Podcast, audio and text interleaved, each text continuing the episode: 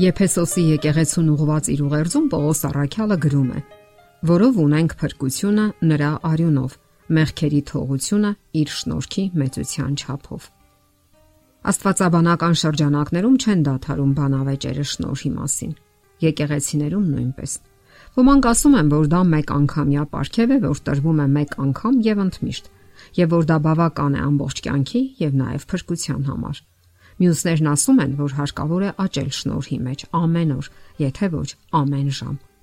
Իսկ ինչ է շնորհը։ Ամենից առաջ ասենք, որ ամբողջ Աստվածաշունչը շնորհի գիրք է։ Աստվածաբան Լինսեյը գրում է. Շնորհը այն է, ինչի կարիքը ունեք, բայց ինչը չեք վաստակել։ Որոշ աստվածաբաններ էլ ասում են, որ շնորհը Աստծո ներկայությունն է։ Այս բոլոր parzabanumներն ի վերջո ասում են, որ մարդն ինքը արժանիք չունի, սակայն Աստված ապարգևում է այն, ինչի կարիքը նա ունի։ Երբ Հիսուսն ասաց. «Սիրեցեք ձեր թշնամիներին», դա նշանակում էր, որ մենք պետք է նրանց տանք ոչ թե այն, ինչին նրանք արժանի են, այլ այն, ինչի կարիքը նրանք ունեն։ Լեռան քարոզում եւս Հիսուսն ասաց. «Սիրեցեք ձեր թշնամիներին, օրհնեցեք ձեզանից ողներին եւ աղոտ քարեք ձեզ չարչարողների եւ ձեզ հալածողների համար։ Սա քրիստոնեական արմատական սկզբունքներից մեկն է, ոչ թե սпасել, այլ օգտագործել ցանկացած հնարավորություն Քրիստոսին նմանվելու համար։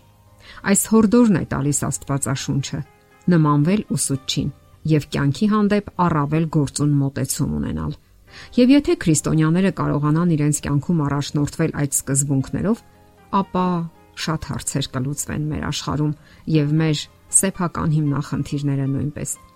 Այդ սկզբունքը անհատույց նվիրաբերելու առանց ակնկալիքների տալու սկզբունքն է։ Աստվածաշնչում շնորհի մասին բազմաթիվ օրինակներ կան, եւ պատահական չէ, որ Աստվածաշունչն ինքը շնորհի գիրք է, որովհետեւ այդ գիրքը ցույց է տալիս փրկության ուղին։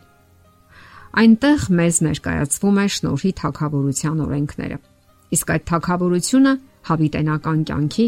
հոգևոր եղբայրության ու սիրո թակավորություն է։ Այդ թակավորության քաղաքացի լինելը մի այնպիսի պատիվ է, որ մենք երբեք չենք կարող վաստակել եւ արժանանալ դրան։ Սակայն մենք կարող ենք ընդունել Քրիստոսի հրավերը եւ ցանկություն հայտնել այնտեղ ապրելու համար։ Աստծո շնորհը իսկապես ուրախություն է պատճառում այն ընդունողին։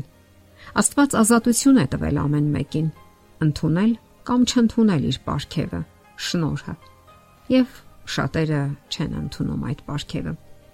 Այն այնքան գեղեցիկ ու վեհ է, որ շատերը պարզապես չեն պատկերացնում, որ միայն ցանկություն հայտնելով կարելի է տիրանալ նրան։ Նրանք ցանկանում են իրենց կողմից ինչ-որ բան ավելացնել այդ խաղապարին։ Մեր ջանքը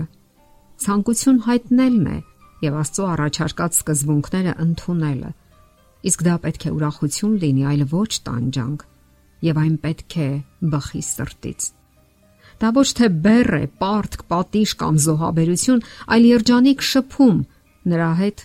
ով սիրում է իր ստեղծած էակներին։ Շնորհը նաև շփումն է Աստծո հետ։ Իսկ այդ շփումից ծնվում են մնացած բոլոր շփումները։ Աստծո հետ շփման մեջ գտնվողները ուրախությամբ են ծառայում իրենց տիրոջը ոչ միայն պատասխանատվությունից կամ պարտքի զգացումից ելնելով։ Նրանք գիտակցում են, որ Աստված ողորմածաբար ներել է իրենց բոլոր մեղքերը եւ դրանով արդեն իրենք դարձել են Աստվածային ընտանիքի լիարժեք անդամ, այլ կերպ ասած, շնորհի հպատակը։ Աստվածային ներումը ոչ միայն ազատագրում է մարդուն պատժից, այլև վերականգնում է փոխհարաբերությունները թե Աստծո, թե մարդկանց հետ։ Դա տևական ամբողջ կյանքում գործող գործընթաց է, որը երբեք չի դադարում։ Չէ որ մենք ամեն օր ենք մեղ գործում եւ ամեն օր ունենք ներման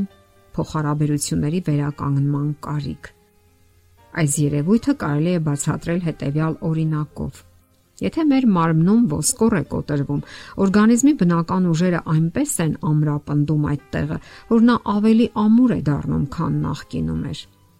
Մեզ կյանք ապարգևող Տերը Նման ձևով է վարվել նաև ողորմության հետ։ Աստված ոչ միայն բուժում է կոտրվածքը,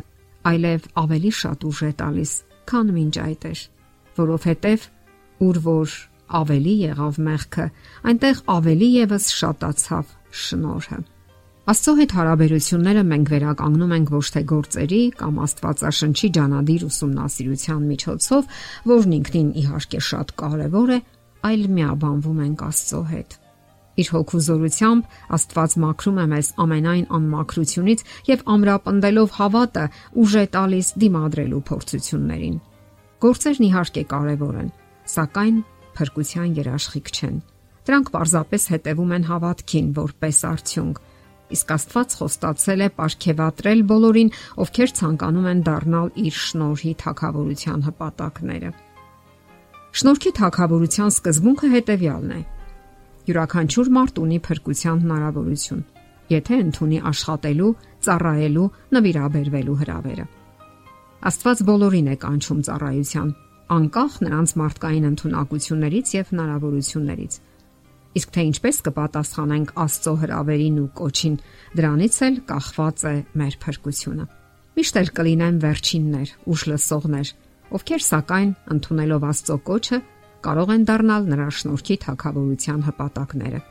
Կապ չունի մեր մեղքերի քանակը։ Որքան էլ դրանք շատ լինեն,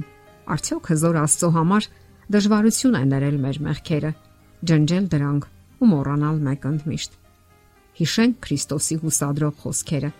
Շատ վերջիններ առաջին կլինեն եւ առաջինները վերջին։ Երբեք էլ ուշ չէ Աստծուն դիմելու համար նրա հավերժական շնորհը ընդունելու համար եւ նրա թակավորության մեջ ապրելու համար, որովհետեւ Աստվածային շնորհը փրկարար է։ Եթերում է ղողանջ հավերժության հաղորդաշարը։ Ձեզ հետ է Գեղեցիկ Մարտիրոսյանը։